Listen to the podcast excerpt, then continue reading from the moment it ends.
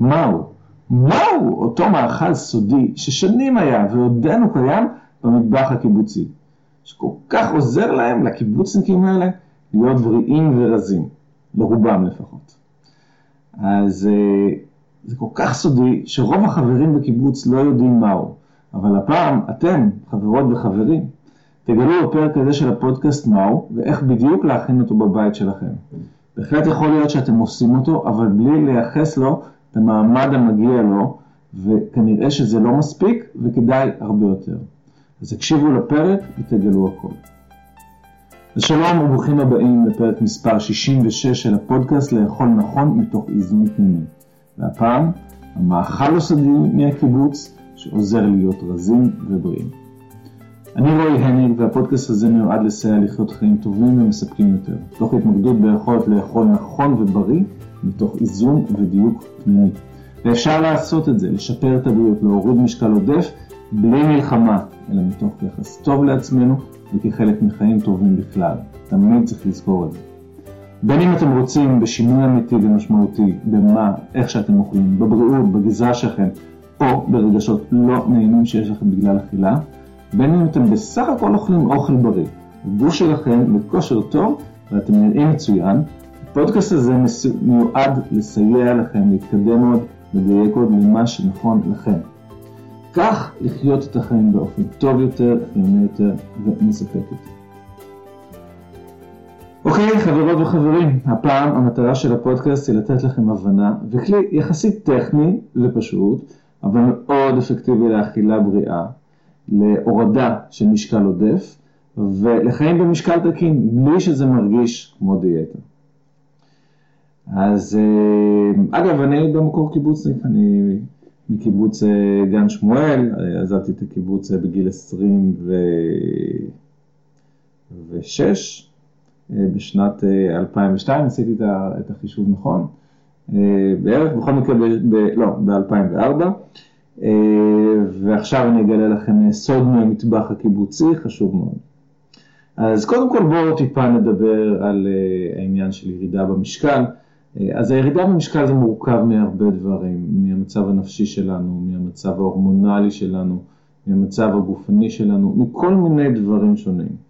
ובסדר, זה, זה ככה, אחד הדברים כמובן המשמעותיים זה כמה קלוריות נכנסות לגוף, אבל גם הקלוריות הזה תלויות באיזה מזונות אנחנו אוכלים. בסדר, זו ההקדמה הראשונה, אבל אין ספק שהכמות קלוריות, יש לה משמעות. עכשיו נדבר על הקיבה שלנו, אז אנחנו אוכלים, והאוכל נכנס כמובן מהפה, אנחנו לא עושים אותו, התחנה הראשונה באמת בדרך שבה הוא נעצר וקורה בו תהליך משמעותי, בפה קצת אנזימים, אבל בעיקר זה הקיבה. האוכל נכנס לקיבה, יכול להיות שם בין רבע שעה, חצי שעה אם זה פרי קל, או גם חמש-שש שעות, אם זה ארוחה כזאת של, שיש שם בשר ושומנים. אה, ודברים כאלה. אז יכול להיות הרבה זמן בקיבה. אה, כדי שנהיה שבעים, הקיבה שלנו צריכה להגיע לנפח מסוים. אה, אם לא נגיע לנפח הזה, יהיה קשה להרגיש תחושת שובע, בין אם זה יותר מדי, בין אם זה בדיוק. לא נהיה שבעים אם הקיבה לא יהיה בנפח מסוים של אוכל. ואם הנפח הזה יהיה מורכב ממאכלים שהערך הקלורי שלהם גבוה, אה, כמו פחמימות, כמו שומנים כמובן, וגם כמו חלבונים, אם כל זה מה שימלא את הקיבה שלנו, אז אה, אה, עד, עד שנרגיש שובע, אז ודאי שהערך הקלורי שיהיה למזון שיהיה בפנים, יהיה גבוה. וזו אחת הסיבה שכל כך מומלץ לאכול ירקות בכלל, וירקות יש הרבה ויטמינים ומינרלים ועוד רכיבים צמחיים שונים שמאוד עוזרים לנו לגוף, אנטי אוקסידנטים ועוד. אה, יש פודקאסט שאני מדבר על זה, על ההיבט האנטי אוקסידנטי ואני אה, אמצא את הקישור ואשים לכם למטה. אה, אבל מעבר לכל היתרונות הבריאותיים האלה, אין ספק שהשילוב של ירקות בארוחה שלנו מאפשר לזה ש... חלק משמעותי מהנפח שממלא את הקיבה מבחינת אוכל, אם זה ירקות אז הערך הקלורי נהיה אה, יורד. ואם אין ירקות הוא יהיה גבוה. לכן, מי שרוצה לרדת במשקל, אחד הדברים הכי חשובים, הפשוטים והטכניים, זה לאכול הרבה ירקות עם הארוחה. לא מעט מעט, אלא דווקא יותר. אה, ויש מי שממליץ גם לאכול אפילו חצי מהאוכל, חצי ממה שיש בצלחת, חצי מהנפח, שיהיו ירקות, ואז לא צריך יותר מדי אה, לעשות אה, חישובים של קלוריות, אפשר הרבה פחות, כי בעצם זה שחצי יהיה מירקות, די מובטח שהנפח של, ה, של המאכלים שהם לא ירקות והקלוריות שלהם יהיה סביר ויאפשר לרדת במשקל או לשמור על המשקל. בסדר, זה בכללי, זה בכללי. אז הבנו שירקות הם חשובים ל... אה, לאכול, אה, בין אם רוצים לרדת במשקל ובין אם בכלל לבריאות. בדרך כלל ירקות, אנחנו חושבים על ירקות טריים, על סלט, וזה כמובן מאוד חשוב, אבל עכשיו אני אדבר על, ה, על הקיבוץ ואיך זה קורה שם.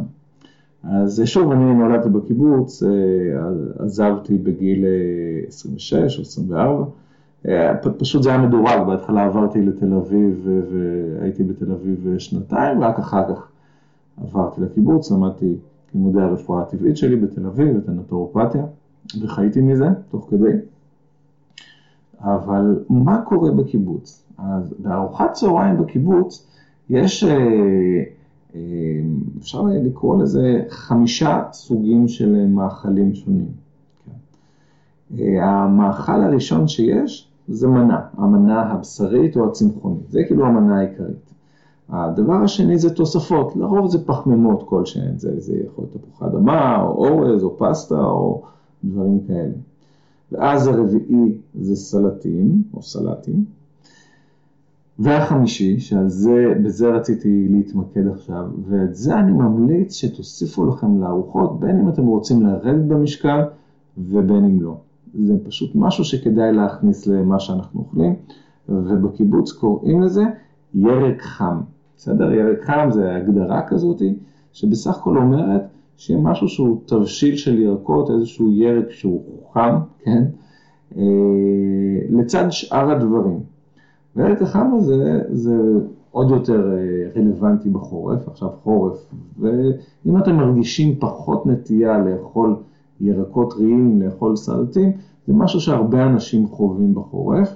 אפשר גם לעזור לזה על ידי תבלינים מחממים ופעילות גופנית שתעזור לכם, שיתחשק לכם לאכול ירקות טריים וסלט, אבל כך או כך, וגם בקיץ, העניין של הירק החם הוא מאוד מומלץ. דרך אגב, ברפואה הסינית אומרים בחורף לא לאכול בכלל ירקות אה, טריים, אלא לאכול יותר ירקות חמים.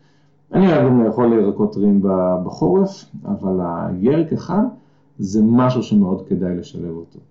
אז מה זה ירק החם? אה, בגדול זה פשוט, נכון? זה, זה כל הירקות, אה, גם השורשים, שורש סלרי נפלא ושורש פטרוזיליה, אה, וגם כל מיני פקעות כמו בצל ושום, וכן, גם תפוחי אדמה ובטטות.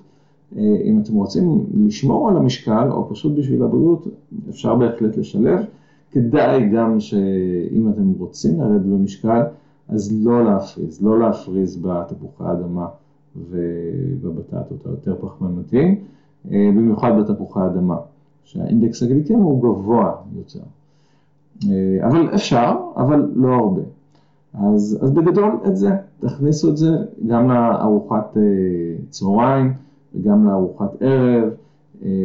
לא מומלץ אבל אפשרי, בהחלט אפשרי גם, גם לאכול את זה למחרת או, או מרק למשל, אנחנו יודעים שאנחנו אוכלים כמה ימים, אז זה לא חייב להיות טרי מהבישול, או תכף נדבר על השיטות הכנה שזה כולל, אבל, אבל שיהיה, קודם כל שיהיה.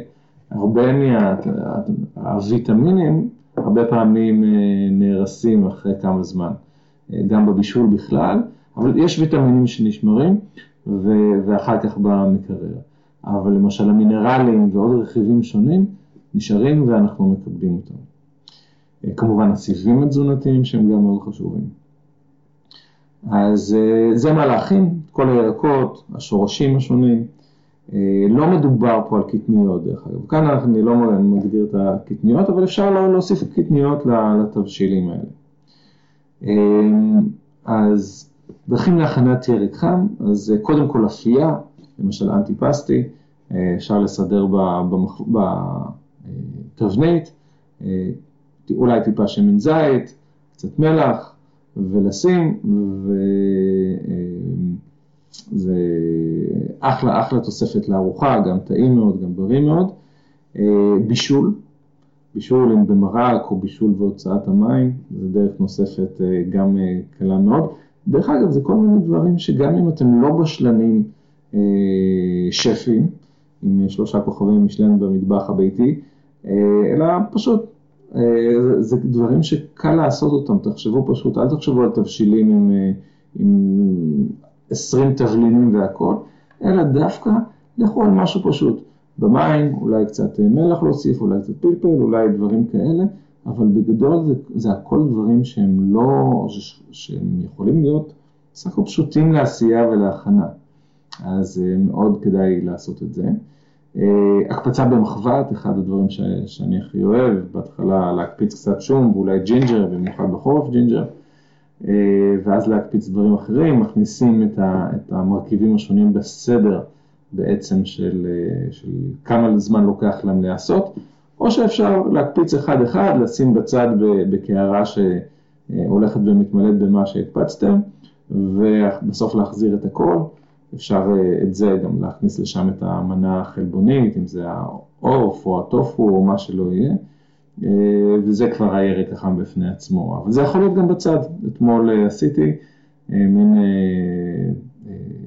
ירק חם כזה שהיה בפנים בצל, עגבניות שרי, פקצ'וי וקצת שום, וזה היה פשוט נפלא, קצת מלח וטעמים משגעים.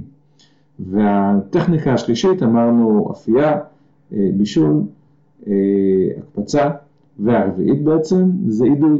אידוי זה משהו נפלא, אולי אני אעשה איזה וידאו כדי להראות את זה, אבל, אבל אידוי, הרבה פעמים יש מין מסננות נפתחות כאלה. אם ראיתם ותהיתם מה זה הצלחת המעופפת הזאתי, אז זה כלי לאידוי, זה גם כן שיטה מאוד מאוד פשוטה. שמים בסיר יותר גדול, עם מים בתחתית הסיר, על זה זה המסננת, יש גם כאלה מקש או מבמבוק.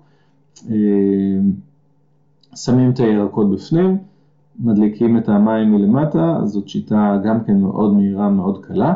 בדרך כלל גם כן, אני, מה שאני עושה זה אני שם את הסיר עם המים למטה, שלא יגיעו לירקות, עדיף, לחלק העליון של איפה שהירקות יושבים במסננת, אבל מים, מדליק את האש, ואז מתחיל לחתוך בינתיים את הדברים מהירק שלוקח לו הכי הרבה זמן לעשות, למה שלוקח הכי מעט.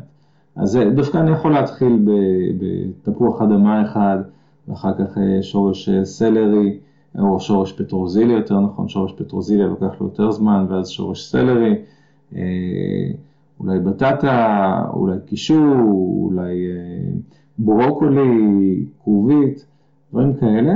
פשוט שמים את זה שם בצל, אני אוהב מאוד לשים, זה נהיה מאוד טעים גם שום. שמים את זה שם, ותוך זמן קצר מאוד זה מעודה, והאידוי, בגלל שזה לא במים, אז הוא שומר על, גם על הערכים התזונתיים יותר, פחות מים ופחות מינרלים ועוד רכיבים יוצאים למי הבישול,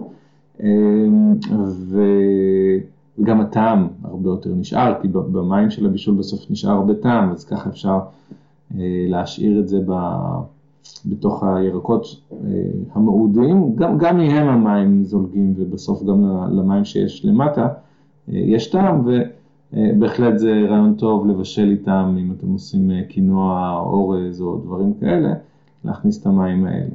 רק תזהרו שמה שקורה לי לפעמים, שהמים אה, מתאדים כליל ואז הסיר קצת נחרח. אפשר לנקות את זה בלי בעיה. בכל מקרה אמרנו ארבע שיטות, אפייה, בישול, הקפצה במחבת או אידוי. כמובן זה לא בהכרח בא במקום הירקות הטריים, אבל הירקות הטריים או הסלט עם הירק החם זה כבר ייתן לכם בסיס ממש ממש טוב לארוחה שאין בה הרבה קלוריות, בלי שספרתם בכלל את הקלוריות. אז יאללה, קחו את זה, תשתמשו בזה, את אחת מטכניקות הבישול האלה לפחות, טכניקות ההכנה, ונסו לראות מה קורה על, במהלך של שבוע, שאתם אוכלים גם בצהריים וגם בערב ירק חם, ואולי אפילו תשבו וקצת תחשבו ותתכננו מה אה, הולך להיות בכל אה, ארוחה כזאת, צהריים וערב, ככה זה יהיה לכם קל לקנות ולהיערך וגם לעשות, ואני אשמח שתספרו לי אחר כך במייל אולי, או פה באתר, אה, מה הייתה התוצאה של שבוע שיש לכם ירק חם, גם בצהריים וגם בערב עם האוכל. בסדר? אז לסיכום, ירק חם הוא סוג מאכלים בריא וטעים, שחשוב שיהיה חלק משמעותי בארוחת הצהריים והערב שלנו, גם לבריאות וגם ספציפית לקלות שבה אפשר להיות במשקל תקין ובגוף חזק שנראה טוב. אז יאללה, תאכלו מזה הרבה. חברות וחברים, זהו להפעם, אני מקווה ששמיעת הפודקאסט הזה תרמה לכם. ואם כן, פשוט תעשו את זה, פשוט תיישמו את זה. אה, מוזמנים להיכנס לדף הפייסבוק שלי, לכתוב איך אתם מרגישים לגבי מה שנאמר פה או פה באתר. אם יש איזושהי שאלה, אני מבטיח לענות. אוקיי, אז שיהיה בהצלחה לכולנו כל יום מחדש. עד הפעם הבאה, להתראות.